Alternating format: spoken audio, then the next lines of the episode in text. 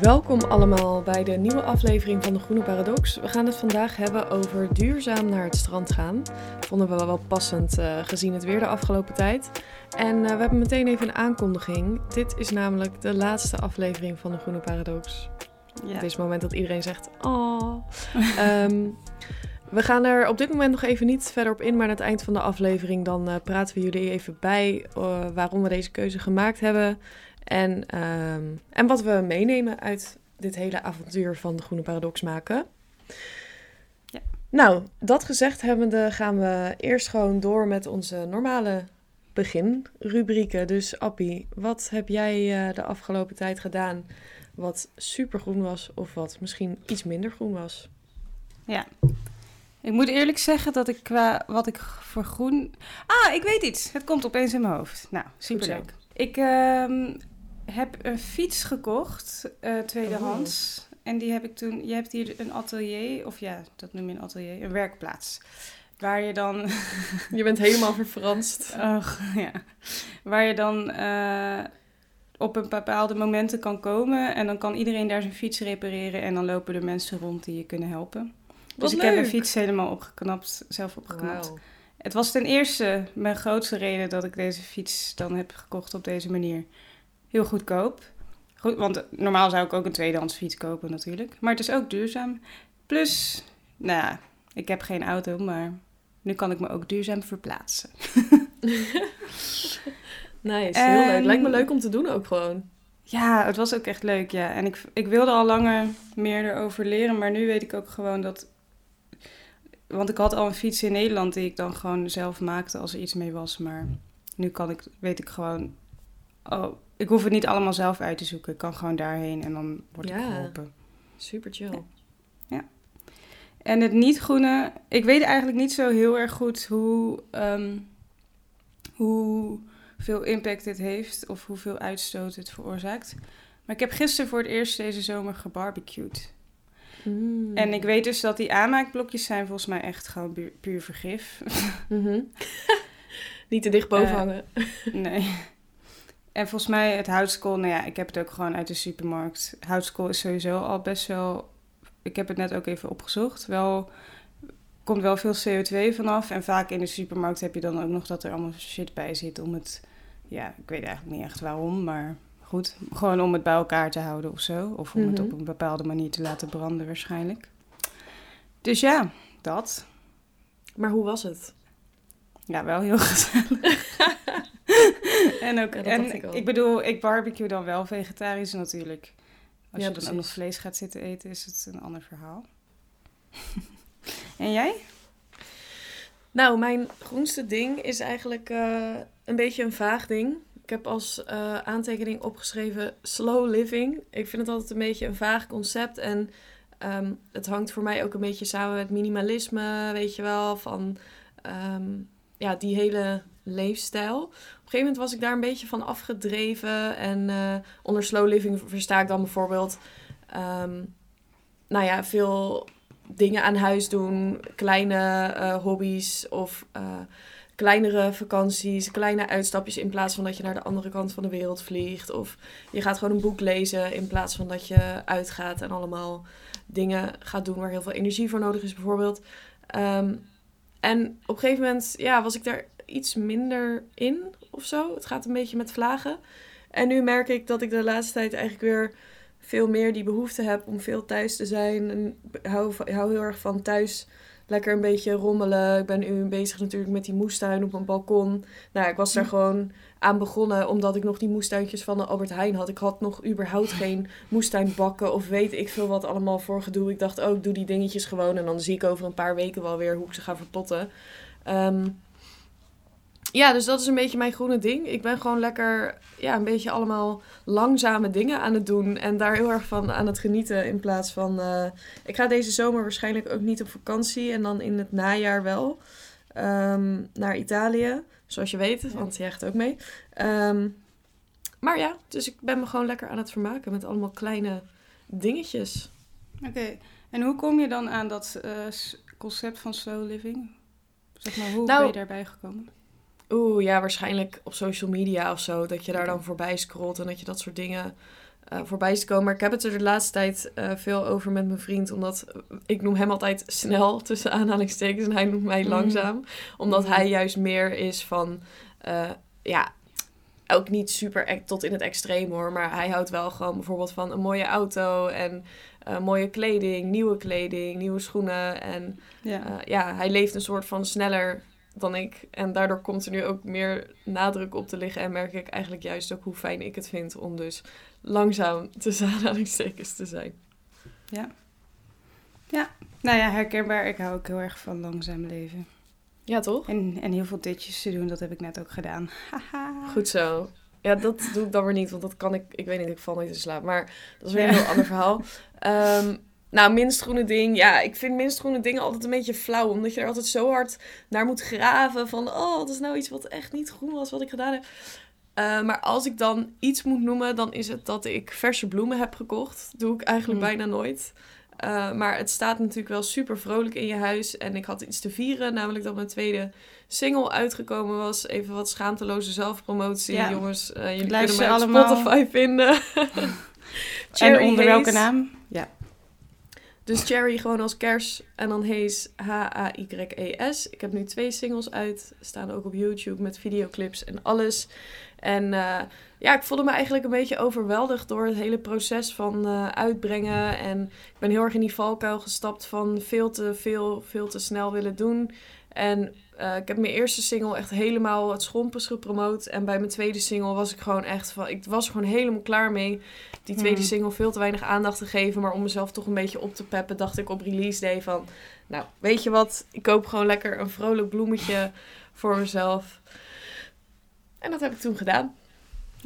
Nou, je hebt het verdiend, meid. Thanks. Oké, laten we naar het nieuws ook gaan. Uh, Ja. Want ik denk dat we daar ook weer we, we, dat we daar ook weer heel veel over te vertellen hebben. Ik ben wel benieuwd wat jij hebt gevonden eigenlijk. Of tegen. Nou, ik had een heel leuk uh, klein dingetje. Ik heb namelijk um, gevonden dat er een kinderbiodiversiteitsfestival is. Nou, dat is natuurlijk op zichzelf al heel leuk dat dat bestaat. Toen ging ik er een beetje over lezen. En um, ja, het is gewoon echt een super tof concept. Uh, de afgelopen weken hebben dan op het basisonderwijs en middelbaar onderwijs allemaal jongeren en kinderen nagedacht over uh, wat nou een oplossing kan zijn voor het hele biodiversiteit uh, vraagstuk. En um, nou ja, ik denk dat je die, die ideeën dan in kon sturen of zo. En tijdens het Kinderbiodiversiteit Festival uh, kregen de beste ideeën, die kregen dan de Duurzame Design Award.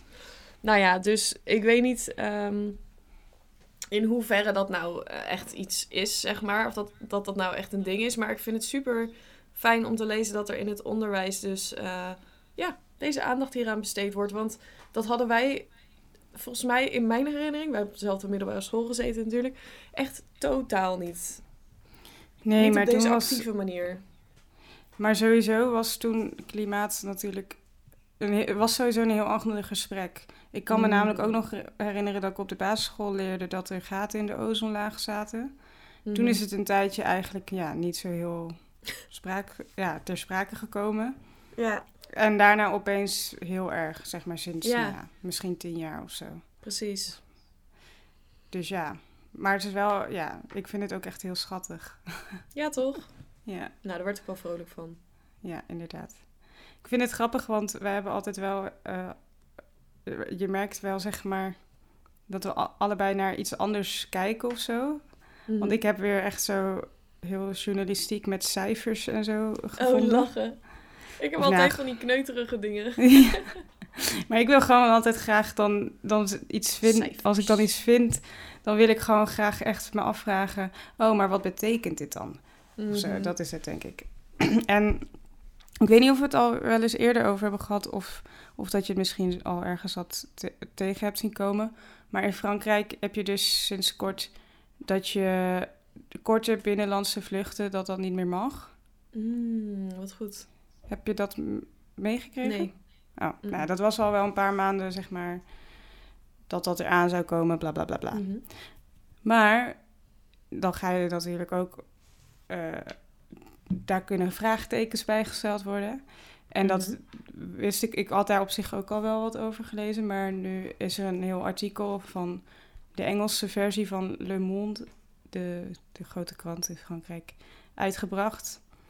Die dus zegt van mhm. ja, eigenlijk is dit gewoon een wet waar je niks aan hebt. Want het moet dus zeg maar, het is eigenlijk voortgekomen uit een burgerberaad. Weet je nog wat dat is? Ja. Mhm. Ja, dus dat is super cool. Ja. Ehm, maar toen zij, daar was van, de, de conclusie was, het moet voor vluchten zijn die uh, vervangen kunnen worden door een treinreis van 4,5 uur of minder. Mm Nou, toen heeft dus zeg maar de, onze Franse president daar 2,5 uur van gemaakt. Waardoor het eigenlijk al een stuk minder uh, vluchten zijn uh, dan eigenlijk eerst voorgesteld zou worden. Mhm. En dan zijn er nog weer andere regels en weet ik veel dingen, waardoor uiteindelijk maar drie lijnen op drie verschillende routes de vluchten zijn gecanceld. Dus het is allemaal oh. heel mooi om te presenteren in het nieuws, maar eigenlijk slaat het gewoon nergens op. En er stond dan ook ergens in het artikel dat het volgens mij iets van 0, oh ja, 0,01% van de volledige Franse uh, emissies uiteindelijk is waar het over gaat, dat nu weggaat. Dus ja. Maar dit is helemaal geen positief nieuws. Nee? Ik dacht dat we altijd iets positiefs deden. Oh, ik dacht gewoon nieuws. Wel potverdorie. Oké, nou ja. Ja, kut. Ja. Nou ja, nou ja, kut is het niet. Kijk, het is niet negatief, want het gaat er wel, er is een verandering doorgebracht, maar het, is, het laat zien dat ja, niet alles wat je leest per se. Oeh. Maar ik heb wel heel positief uh, media op het einde, dus uh, dan kan ik het wel even goed maken. Goed zo, gelukkig. Nou, laten we dan maar uh, naar het interview gaan, zou ik zeggen.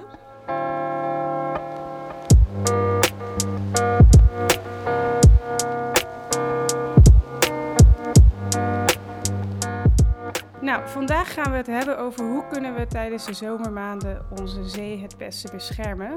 En daarvoor hebben we Sjoerd Trompetter, de oprichter of medeoprichter toch van uh, uitgenodigd. En Gilles van Zandvoort, de woordvoerder bij Stichting de Noordzee. Um, Sjoerd en Gilles, willen jullie anders zelf eventjes kort vertellen wat jullie doen uh, aan onze luisteraars? Misschien kan Sjoerd het beste beginnen. Ja, nee, uh, dankjewel. Dus ik ben Short Trompetter en ik ben de, de, de, oprichter van Naïef. En wij maken verzorgingsproducten uh, voor uh, kleine kinderen. En we maken ook heel veel zonnebrand. En dat verkopen we in binnen- en buitenland. En dat proberen we op een zo duurzame manier mogelijk te doen. Dus zonder schade aan mens en natuur. Um, en daarnaast woon ik in Scheveningen, vlakbij het strand. En hebben wij kantoren in de Scheveningse haven, uitzicht op zee. Dus wij zijn heel nauw betrokken bij zee. En ik kom daar uh, dagelijks. Ik surf ook veel. Dus uh, ja, voor mij is de, de schone Noordzee gaat uh, heel erg aan mijn hart.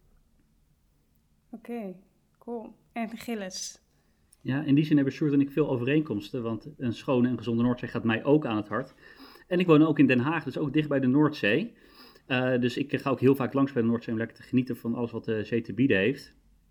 Stichting de Noordzee is al 42 jaar de natuur- en milieuorganisatie als het gaat om het uh, schone en gezonde Noordzee. Dus wij zetten ons bijvoorbeeld in voor een uh, natuurvriendelijke energietransitie. Dat betekent met al die windmolens die nu uh, op de Noordzee gaan komen, dat we ervoor zorgen dat die natuur daarin wordt meegenomen. We, we willen er ook voor zorgen dat bijvoorbeeld de visserij wordt verduurzaamd en ook dat de natuur de ruimte heeft op de Noordzee om te herstellen. En wij zetten ons ook in voor een schone zee, dus ook schone stranden, bijvoorbeeld het, het opruimen van, van afval. En het meest belangrijke, het voorkomen dat afval überhaupt op het strand terechtkomt. Oké, ja, heel mooi. Ik denk, um, of onze podcast is vooral eh, gericht op consumenten. Wat kan iemand eigenlijk zelf doen uh, als consument? In plaats van dat we dus wachten op de overheid of, uh, of de industrie. Dus daarmee willen we misschien ook dit gesprek ingaan. Wat denken jullie dat het meest ja, vervuilende is dat mensen doen als ze naar het strand gaan in de zomer? Ja, ik, uh, uh, uit ervaring weet ik, en ik, ja, Sjoerd komt ook vaak op het strand, er ligt ontzettend veel afval op het strand. Uit onderzoek van Stichting de Noordzee blijkt dat per 100 meter er 282 stukjes afval liggen. Dat is natuurlijk enorm veel. En als je dan kijkt naar bijvoorbeeld de, de populaire stranden, de toeristische stranden, vinden wij ontzettend veel sigarettenpeuken. Uh, dus eigenlijk is de oproep voor, aan, aan de strandliefhebber, aan de strandbezoeker, is eigenlijk best wel eenvoudig. Van laat geen troep achter. Dus wat wil je doen om een uh, schoon strand te bewerkstelligen? Nou, vooral geen troep achterlaten. En hebben jullie ook campagnes bijvoorbeeld om mensen dat meer, um, ja, mensen hier meer over te laten nadenken? Of hoe, hoe, zou, ja, hoe zouden we dat kunnen verbeteren, zeg maar? Nou, sowieso wat, uh, wat zich in de Noordzee elke keer organiseert is onze uh, Boskalis Beach Cleanup Tour. En daarin gaan we eigenlijk in twee weken gaan we met, met honderden vrijwillig, vrijwilligers gaan we de hele Noordzeekust opruimen. Dus dan beginnen we in het zuiden van Zeeland en uh, op Schiermonnikoog, het meest noordelijke Waddeneiland. En dan gaan we per dag ruimen we de hele Noordzeekust op tot we elkaar tegenkomen in Zandvoort. Um, en met, dat is niet alleen een belangrijk evenement om afval op te ruimen op het strand, maar daarmee willen we ook bewustwording creëren bij strandliefhebbers om afval, uh, geen afval achter te laten, afval op te ruimen en ook een beroep te doen op bijvoorbeeld overheden en op bedrijven om maatregelen te nemen om afval tegen te gaan.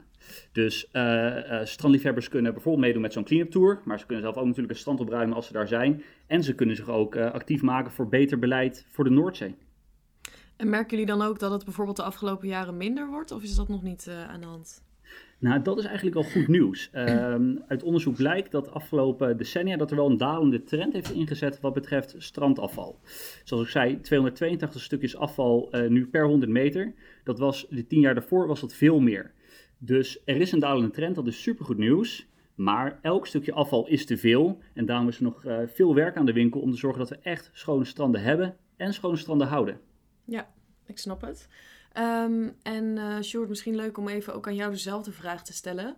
Ik gok dat bij jou het antwoord meer uh, over zonnebrand zal gaan. Um, en ik ben ook benieuwd van... Um, ik heb zelf het idee, maar dat kan ook misschien liggen aan wat ik de laatste tijd tegenkom. Maar ik heb zelf het idee dat eigenlijk pas de afgelopen jaren echt die bewustwording op gang aan het komen is dat zonnebrand een slechte uh, invloed heeft op de zee.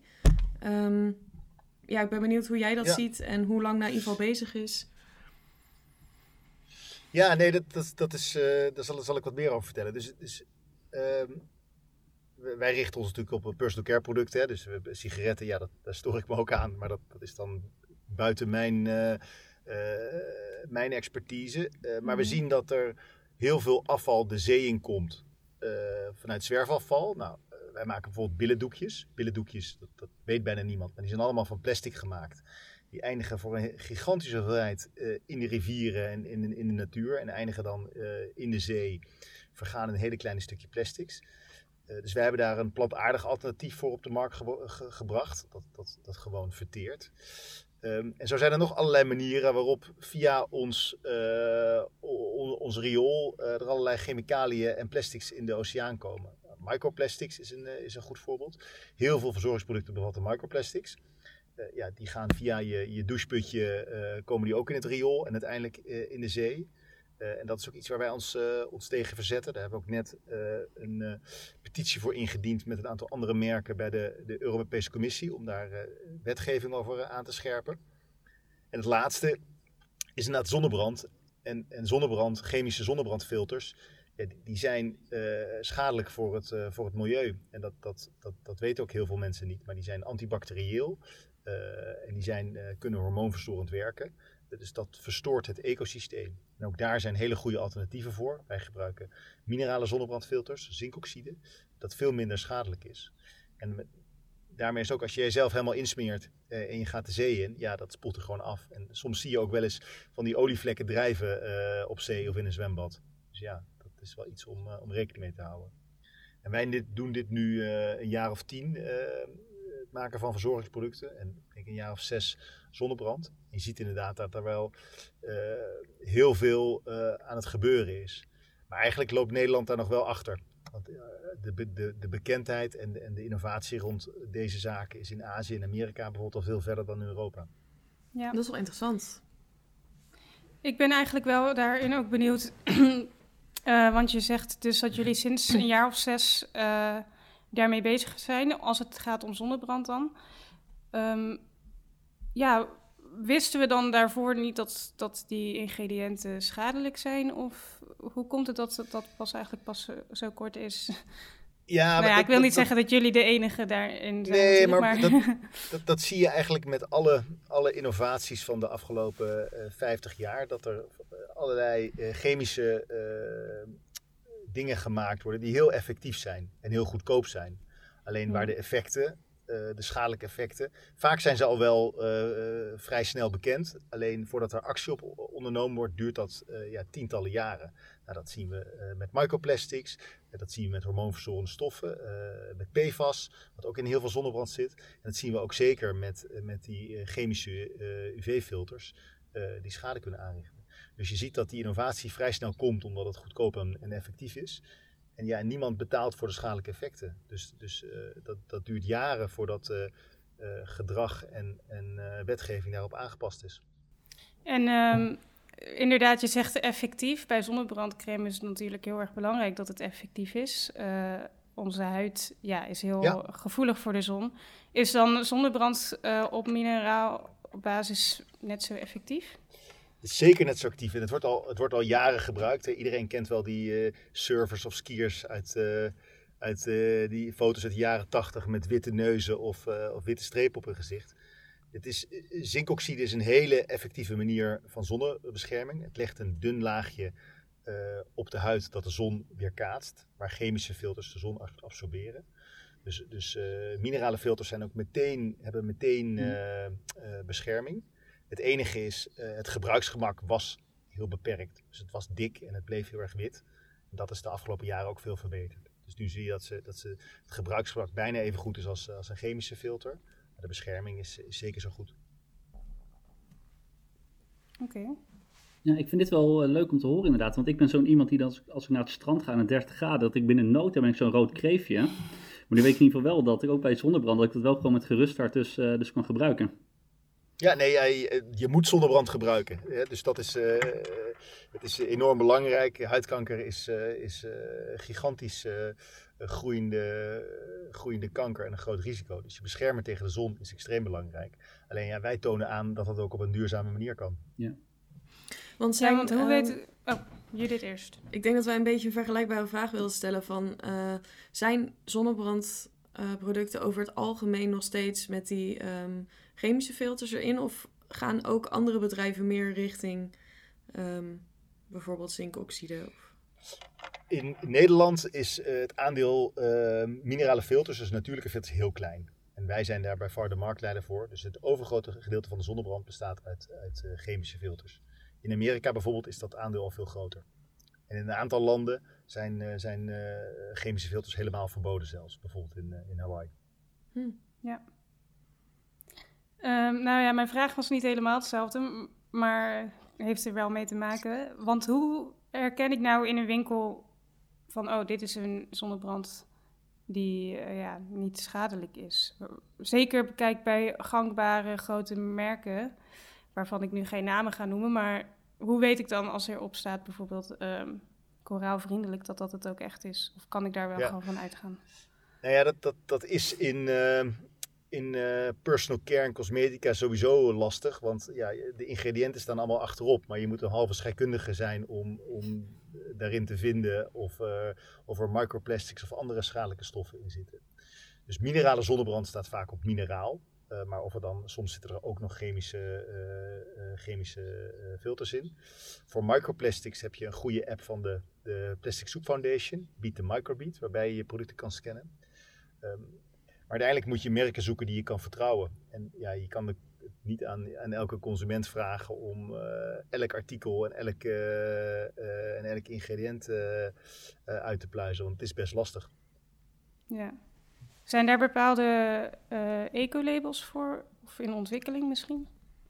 Voor minerale zonnemand niet specifiek, nee. Hmm. Dus, dus, dus op zich is het, ja, moet je er toch in verdiepen. En vaak als het, als het eh, bij minerale zonnebrand staat er vaak op mineraal en is het eh, de UV-filter zinkoxide.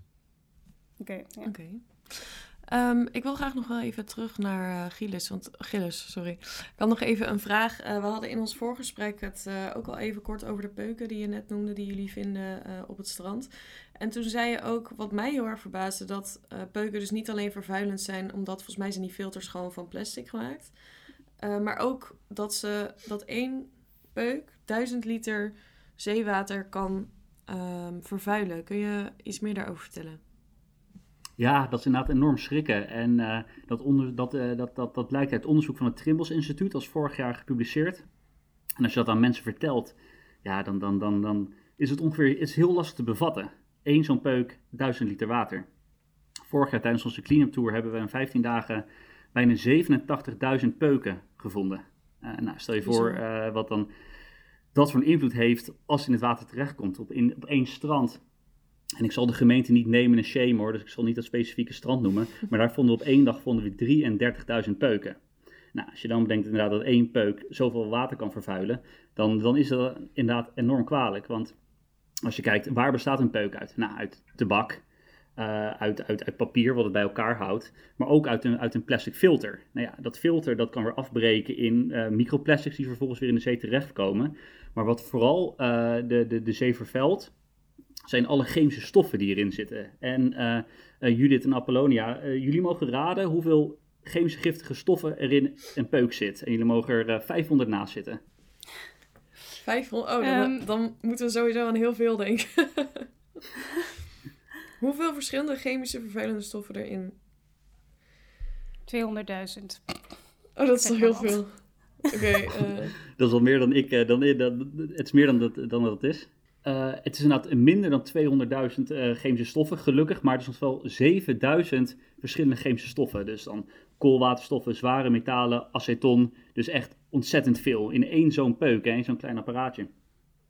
En één zo'n uh, zo'n peuk, die, als die dan in het water terechtkomt, komen al die giftige stoffen komen vrij. Ja, en dat verspreidt zich door het hele water. En dat is echt vernietigend voor, het, uh, voor, voor, voor, voor de natuur en voor het milieu. Want er zijn ook Noordzeedieren die hier ontzettend veel last van hebben, die er zelfs aan kunnen doodgaan. Dus één zo'n peuk, moeten mensen beseffen, kan echt heel schadelijk zijn voor natuur en voor milieu.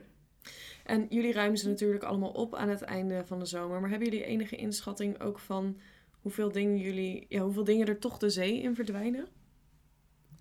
Uh, nou, dat is moeilijk in te schatten, hè? want altijd, altijd, als wij opruimen, dan is dat een momentopname. Want stel, het is heel slecht weer geweest, zijn er minder strandbezoekers geweest, er, zijn, er liggen ook minder peuken op het strand. Dus echt een, een goede inschatting van hoeveel peuken er liggen, dat is heel lastig. Maar um, er, wereldwijd zijn er 5,6 miljard weggegooide peuken. Uh, dus dat geeft al een inschatting van hoeveel peuken dan ook in het, uh, in het uh, milieu terechtkomen. Maar ja, als wij op één dag al 33.000 peuken vinden op één strand, nou, tel maar uit hoeveel het dan over de hele Noordzeekust is. Ja, precies. Ja, en er staan echt zo ongelooflijk veel prullenbakken op het strand. Ja. Dus het is echt wel, wel sneu.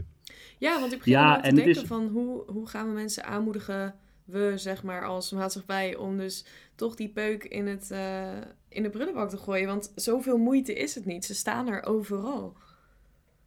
Nou, dit, dit, het, het begint denk ik ook bij de bewustwording. Dus daarom ben ik ook heel blij met deze podcast. Dat we ook echt aan mensen kunnen vertellen hoe schadelijk zo'n peuk is. En als je rookt op het strand, nou, be my guest. Maar gooi hem wel vooral weg. Ja. Uh, dus een stukje bewustwording. Dus de strandliefhebber, de strandbezoeker moet zelf de peuk weggooien. Maar uh, gemeentes kunnen ook een rol hierin spelen. Bijvoorbeeld door um, nog meer of makkelijkere afvalfaciliteiten aan te bieden. Maar waar je ook aan kan denken is bijvoorbeeld instellen van rookvrije zones. Uh, de gemeente Noordwijk heeft sinds vorige zomer een pilot met een stuk strand waar niet gerookt mag worden. Uh, Renesse had het ook al een paar jaar geleden. En dat zijn wel maatregelen die je kan nemen om, uh, zodat er minder gerookt wordt, zodat er minder peuken worden weggegooid op het strand. Dus deels is het dus aan de strandbezoeker. Gooi je, gebruik het strand niet als een asbak, maar gooi het netjes weg. Maar ook gemeentes kunnen hierbij hun verantwoordelijkheid nemen. Ja. Maar een rookvrije zone, op welke manier zorgt dat er denk je echt voor dat we dan ook minder peuken hebben uiteindelijk? Of ja, gaan mensen dan niet gewoon ergens anders roken? Nou ja, dat, dat, daarom zijn we heel blij met die pilot nu in Noordwijk. Want daarmee kunnen we dus echt gaan onderzoeken of het werkt. Oh, ja. En in die zin, Nederland, Nederland loopt wel heel erg achter. Want in Spanje en Amerika zijn er grote stukken strand die al rookvrij zijn. Ja. Die al veel, uh, veel meer maatregelen daarentegen hebben genomen. Dus we zijn heel blij dat nu Nederland de eerste stap wordt genomen. En we hopen ook dat heel veel gemeentes het voorbeeld van Noordwijk zullen volgen en ook maatregelen nemen om die gigantische peukenafval uh, tegen te gaan. Ik denk ook niet moeten vergeten hoeveel afval er de zee in komt via onze rivieren. Want dat is natuurlijk ook, ook het, uh, en, en, vaak uh, riool dat ook weer in rivieren terechtkomt. Dus, dus er zijn op zoveel manieren dat die zee vervuild wordt. Dus dat is echt wel belangrijk dat daar een, een halt aan geroepen wordt. Ja, ja dat, Sjoerd, dat is een heel erg goed punt wat je maakt. Want deels is inderdaad uh, afval wat wordt achtergelaten door strandbezoekers. Maar ook vanuit de zee kan er ook afval aanstromen. Bijvoorbeeld via containerschepen die verloren gaan en die vervolgens hun afval loslaten. vier jaar geleden is de MSC Zoe, een containerschip, heeft heel veel containers verloren, meer dan 200. En nog steeds vinden we afval wat afkomstig is van de MC Zoe uit de containers. En ook de rivieren, elk stukje afval wat we, zoals Sjoerd zegt, in die rivier gooien, ja, die rivier die komt ergens uit. Nou, dat is de Noordzee. Uh, dus daarom zijn wij bij Stichting Noordzee, zetten ons ook heel erg in om ook die rivieroevers schoon te houden. Want als je de rivieroevers schoon houdt, komt het afval ook niet in de Noordzee terecht. Ja, en uh, wat ik net wil vragen is, uh, jullie zeggen eigenlijk allebei, jullie komen uit een compleet andere hoek. Maar allebei zeggen jullie, ja, eigenlijk loopt Nederland heel erg achter op dit gebied. Hebben jullie enig idee hoe dat kan? Um, nou, wat betreft het aanpakken van afval, uh, precies de reden waarom Nederland achterloopt, dat weet ik niet. Um, we zien nu wel dat Nederland wel echt meer, steeds meer stappen neemt. Uh, het is waarschijnlijk allemaal wel, uh, wel uh, weten we dat op 1 april is staatsgeld op blikjes is ingevoerd. Um, en, en, vroeger, ik denk een beetje als een oude man nu, maar toen kon je nog gratis plastic tasjes krijgen in de supermarkt. Mm -hmm. nou, dat is nu ook echt uit en boze. ook op kleine petflesjes zit nu ook staatsgeld. Heel veel gemeentes hebben een verbod op het opladen van ballonnen. Nou, ballonnen vonden we vroeger, was, stond in de top 5 van afvalitems die we vonden. Dat is nu oh. uit de top 5 uh, gedaald. Dus daar, dat laat ook zien dat dat soort maatregelen, of het nou staatsgeld is of een verbod op ballonoplatingen, beleid werkt. Ja. En daarom moet Nederland zet niet goed grote stappen, maar er zijn nog heel veel stappen te zetten.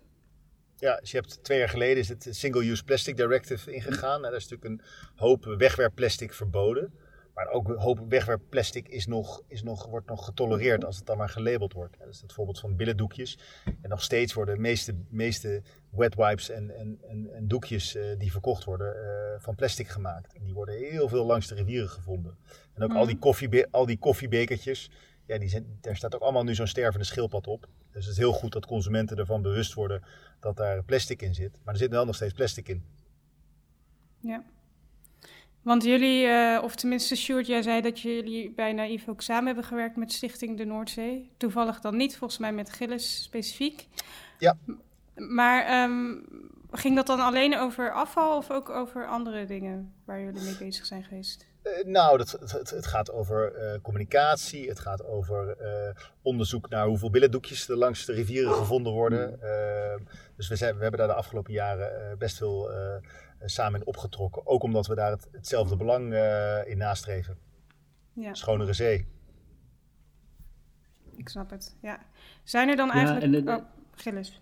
Ja, dus, en daarom ben ik ook heel blij met zo'n bedrijf zoals, um, of zoals het product van, van Sjoerd. Want ook bedrijven kunnen een rol spelen in het tegengaan van, van de vervuiling van zee. En ik denk dat voorbeelden die Sjoerd nu noemt met die billendoekjes. Nou ja, dus ook bedrijven pakken, kunnen hun verantwoordelijkheid pakken door bij te, en bijdragen aan een, aan een schone zee.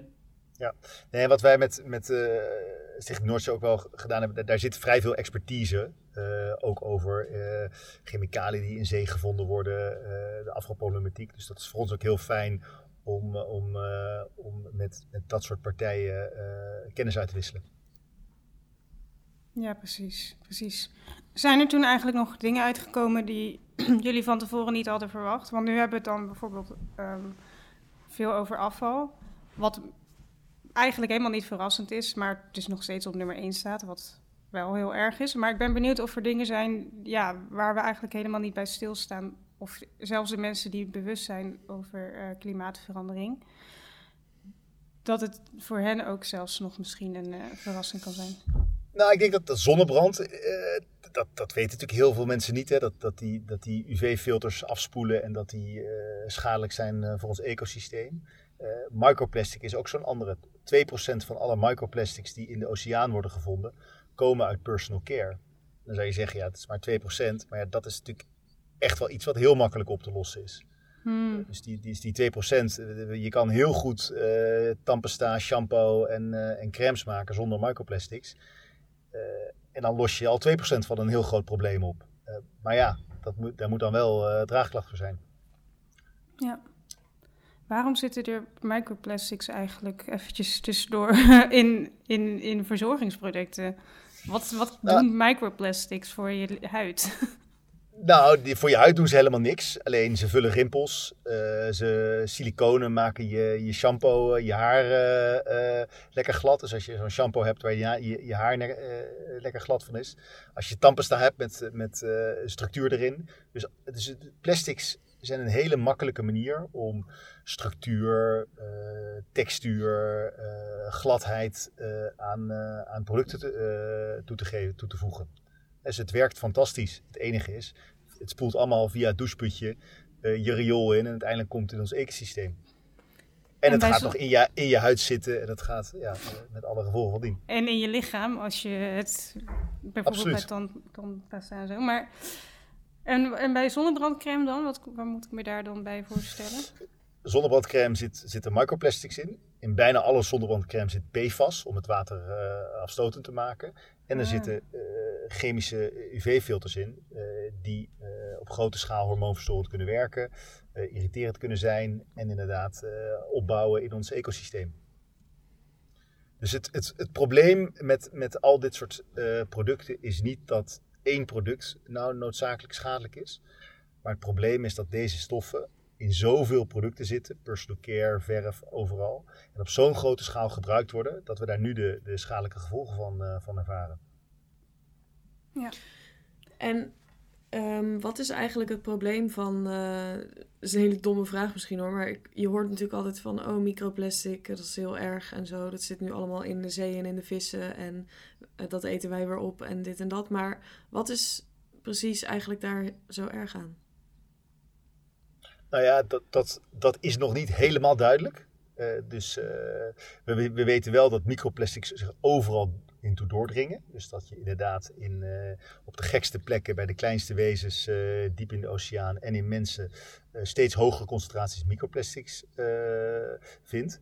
En wat voor effecten dat op de lange termijn heeft, dat is nog niet helemaal duidelijk. Maar de, de kans dat dat, dat dat geen goede effecten Slecht zijn, nieuws is, is, ja. is, is, is, is redelijk groot. En je kan je afvragen, is dit wenselijk? Is dit, is dit überhaupt, uh, ja, zouden we dat risico moeten nemen? Ja, precies. Dus daar wordt, er wordt, nu heel veel, wordt, nu, wordt nu heel veel onderzoek naar gedaan, ja, wat daar de lange termijn effecten van zijn. Ja, het is natuurlijk ook nog maar een heel recent probleem eigenlijk. Dus logisch ook dat er nog niet uh, echt iets bekend is over de lange termijn effecten. Ja.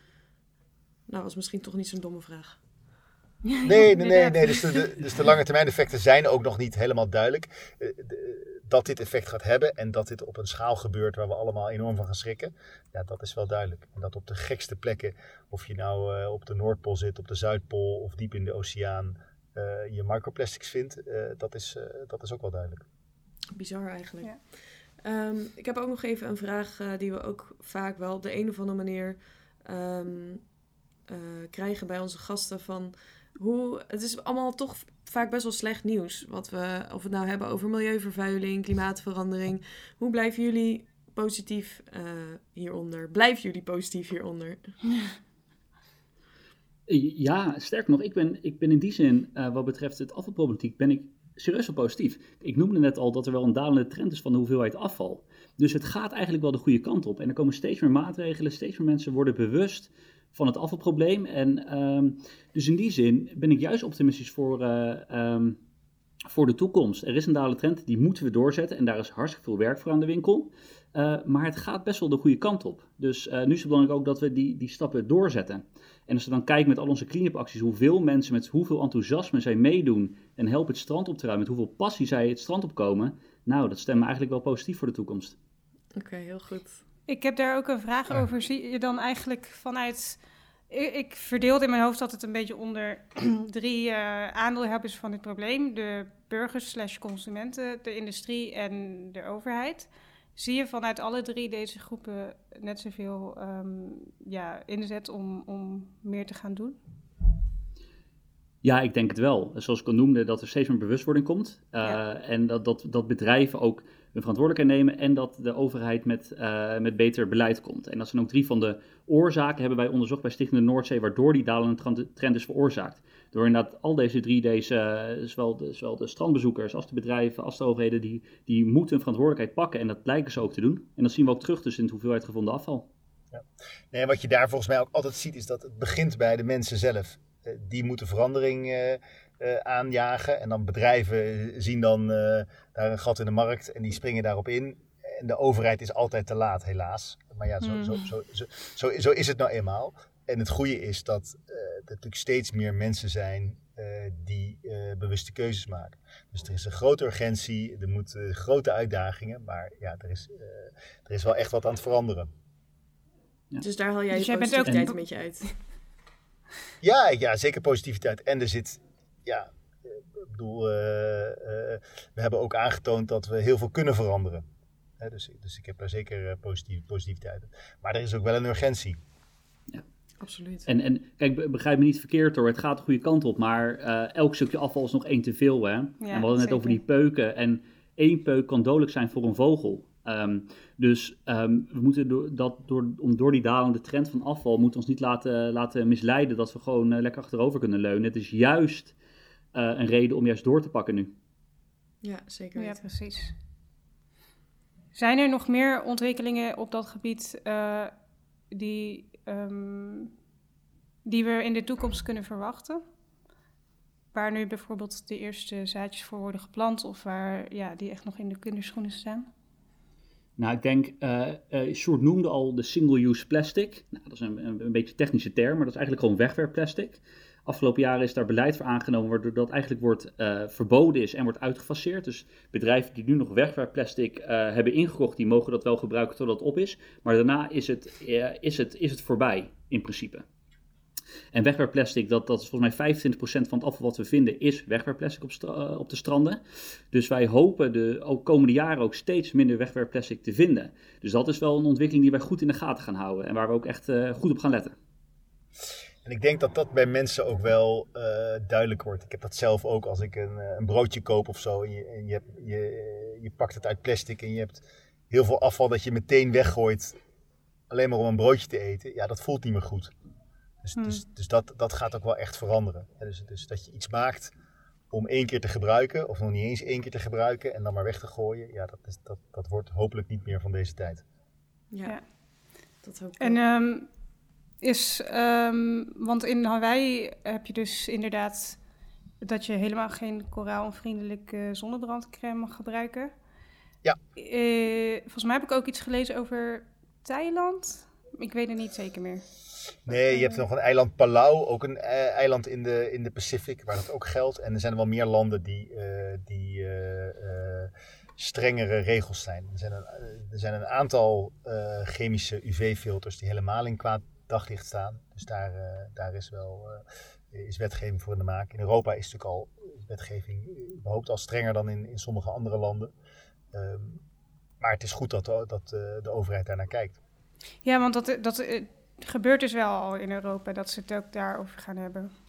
Ja, er zijn allerlei werkgroepen die daar uh, naar kijken in, op Europees niveau.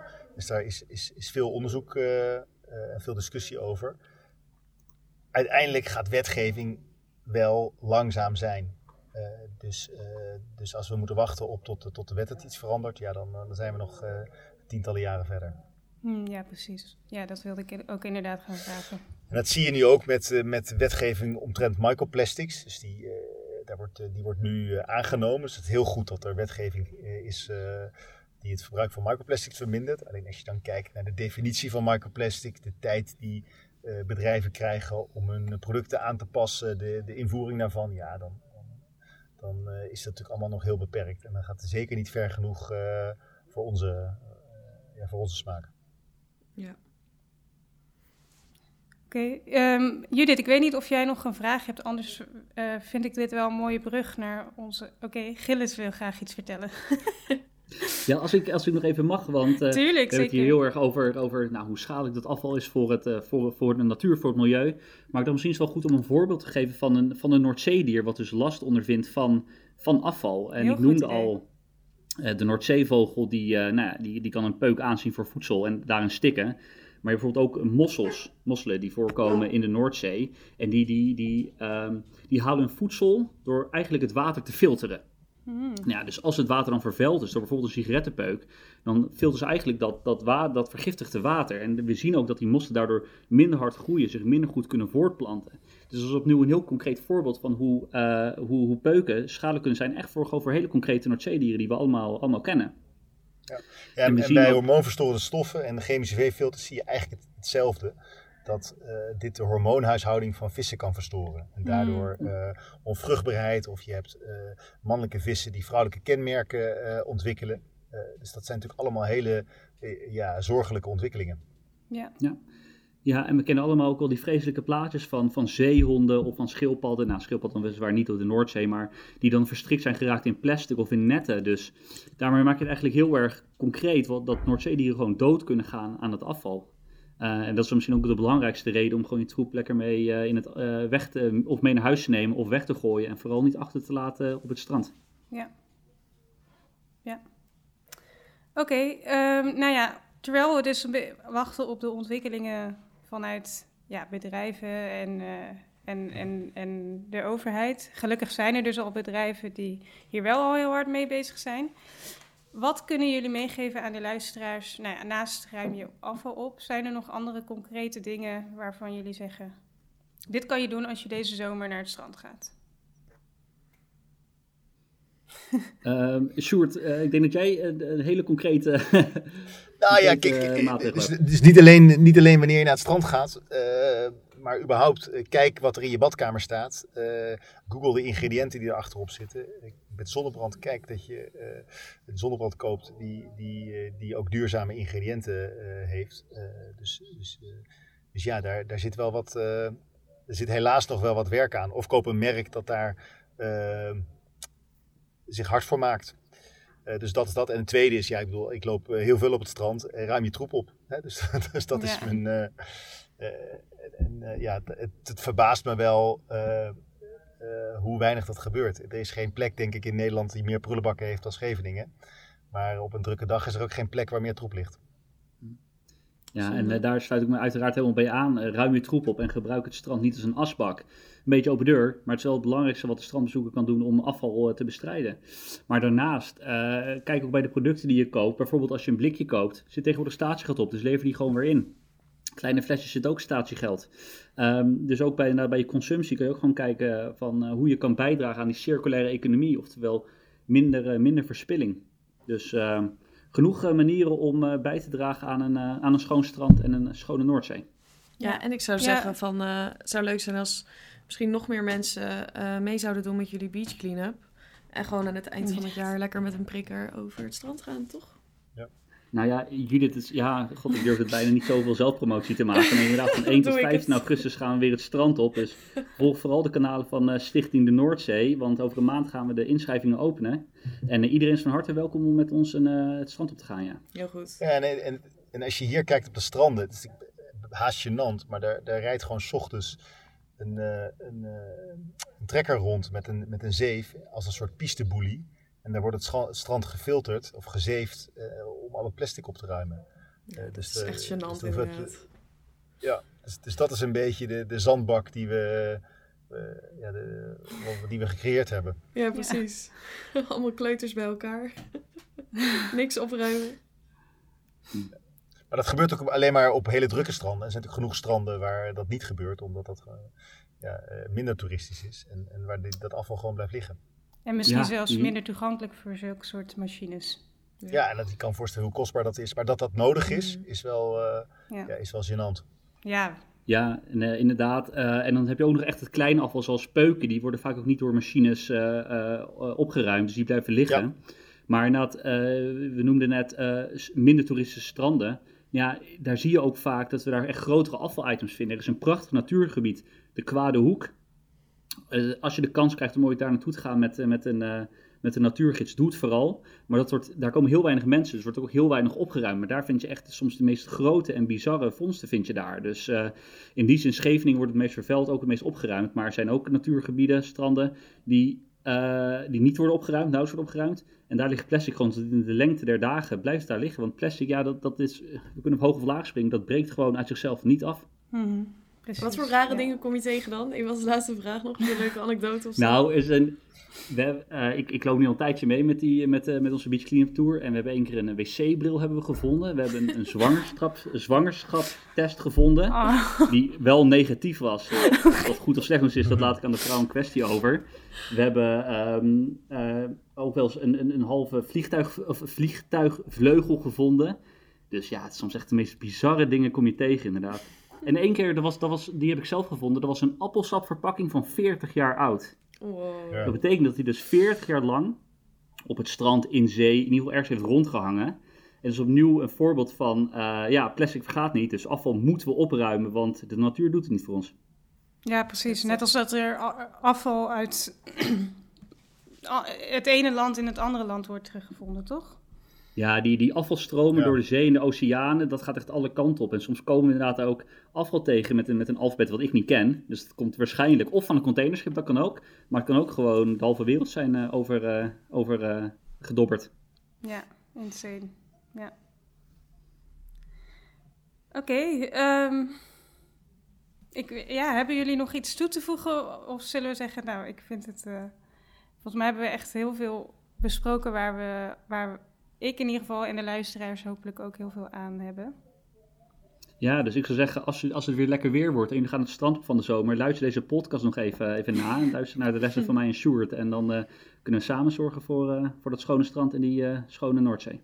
Inderdaad. Ja, en ik, ik, ik, denk ook wel dat we natuurlijk heel blij en trots moeten zijn over wat we hier hebben. Hè. Het is niks heerlijkers dan de zee en het strand. En ja, ik denk dat we ook wel ons daarmee heel erg gezegend moeten, moeten voelen. Dat we dat, uh, zoveel kustlijn hebben en, en uh, uh, zoveel mooie stranden. Dus daar moeten we ook trots op zijn. En, ja, en, en respect, respect, respect voor hebben. Ja, ja precies. Absoluut. Oké, okay, nou heel erg bedankt dan dat jullie op onze podcast wilden verschijnen. Ja, graag gedaan. Graag gedaan. Dat was dan weer het interview voor vandaag. En dat was dus ook het laatste interview. Uh, Ik vind het een hele leuke afsluiter. Ik vond het een heel gezellig uh, interview, eigenlijk zoals altijd. en, uh, en heel toepasselijk, omdat we nu allemaal weten hoe we ja, op een duurzame manier naar het strand kunnen deze zomermaanden. Dan gaan we nog even naar onze groene media kijken voordat we hem gaan afsluiten. Wat heb jij voor groene media geconsumeerd? Oké, ik heb um, een artikel van de Groene Parad... dat is niet...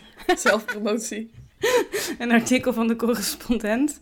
Uh, die je dus als artikel kan lezen en ook als, uh, als podcast kan beluisteren. En dat is van uh, Jesse Frederik en de titel is... Zelfs optimisten zijn te pessimistisch. Schone energie wordt sport, spot goedkoop. Oh. Um, ik ga niet te veel erover vertellen, want hij kan het veel beter uitleggen. En er zit er ook als je zeg maar niet zo goed bent met cijfers, zou ik je aanraden om het te lezen, want hij gebruikt heel veel cijfers. Maar wat ik interessant vind eraan, nou, ten eerste is het dus lekker optimistisch. Uh, je krijgt er goede hoop van. Hij, wat ik ook interessant vind, is dat hij soms het IP, IPCC-rapport aanhaalt en daar eigenlijk mhm. ook een beetje bij zegt, ja, ze zijn wel iets te streng geweest of, of negatief geweest. Ja, zeg maar. Gelukkig. En we zien eigenlijk al dat het wel al die goede kant op gaat. En dus ja, maar even in een hele korte samenvatting, als je geen zin hebt om het hele artikel van 20 minuten te lezen.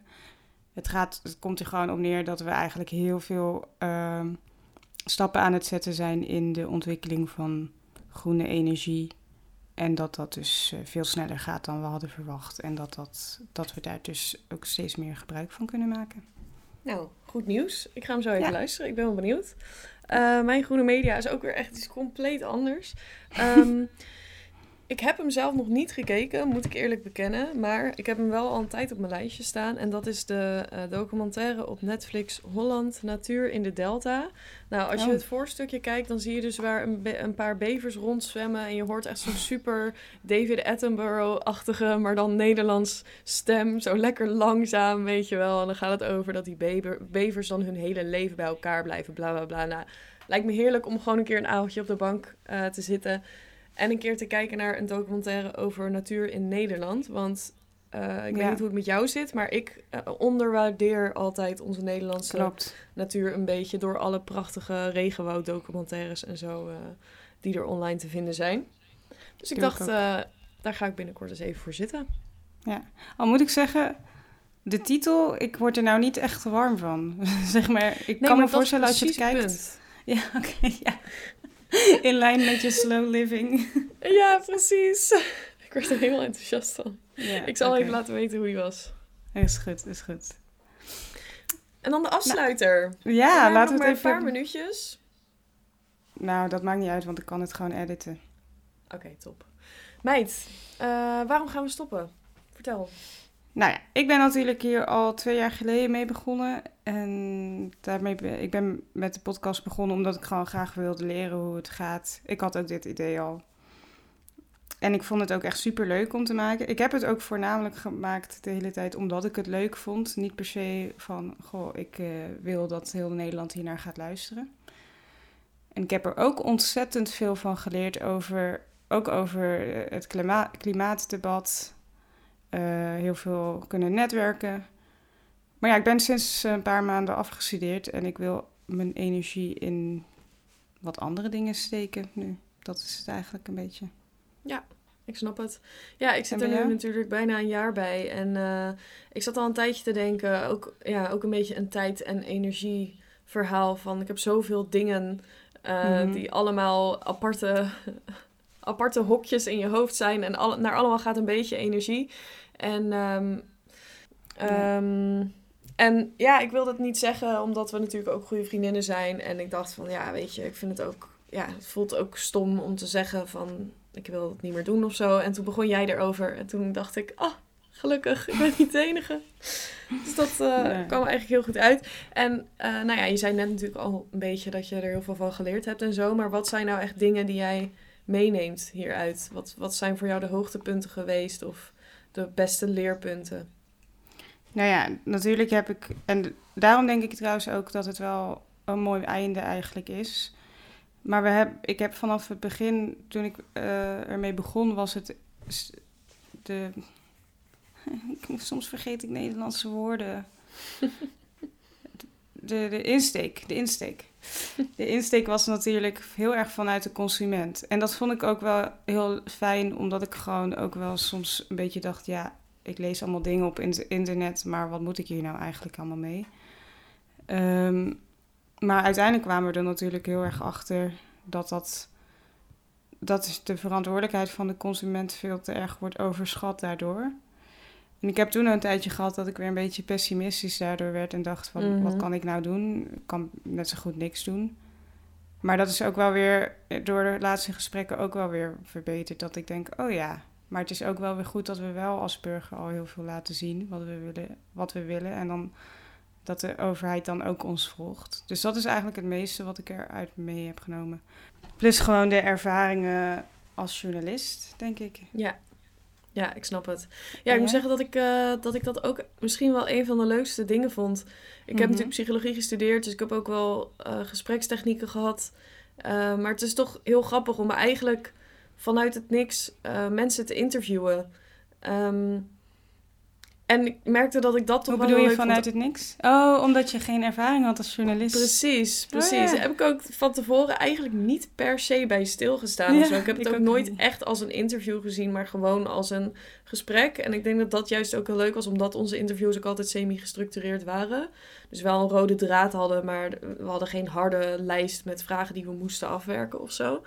Ehm, ja, dus dat vond ik eigenlijk een van de leukste dingen. En ehm, het netwerken vond ik ook heel erg leuk, ook al is het niet iets eh, waar ik denk ik per se nog heel veel aan ga hebben, omdat ik niet per se in de duurzame wereld werk. Maar ik vond het super cool om te merken dat, eh, nou ja, echt, ja, gewoon super drukke, bekende eh, mensen die ja, echt experts zijn in wat ze doen, gewoon ervoor open stonden om met ons te kletsen in deze podcast. Echt, ik had ook het idee dat we ja, best wel on a roll waren eigenlijk de laatste tijd. Wat juist misschien ook wel goed is, weet je wel, dat we stoppen op ons ehm, hoogtepunt. Hoogtepunt. Dus ik kijk er wel echt met een heel eh, positief gevoel op terug. Ik vond het een superleuk avontuur om met jou ook te doen. En ehm, ja, dat waren Ja. voor mij een beetje de punten. Oké, nou, mooi, mooi afgesloten, denk ik.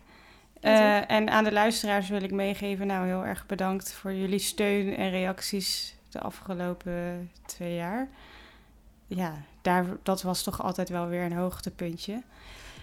En we zijn nog steeds te vinden op Instagram, de Groene Paradox Podcast.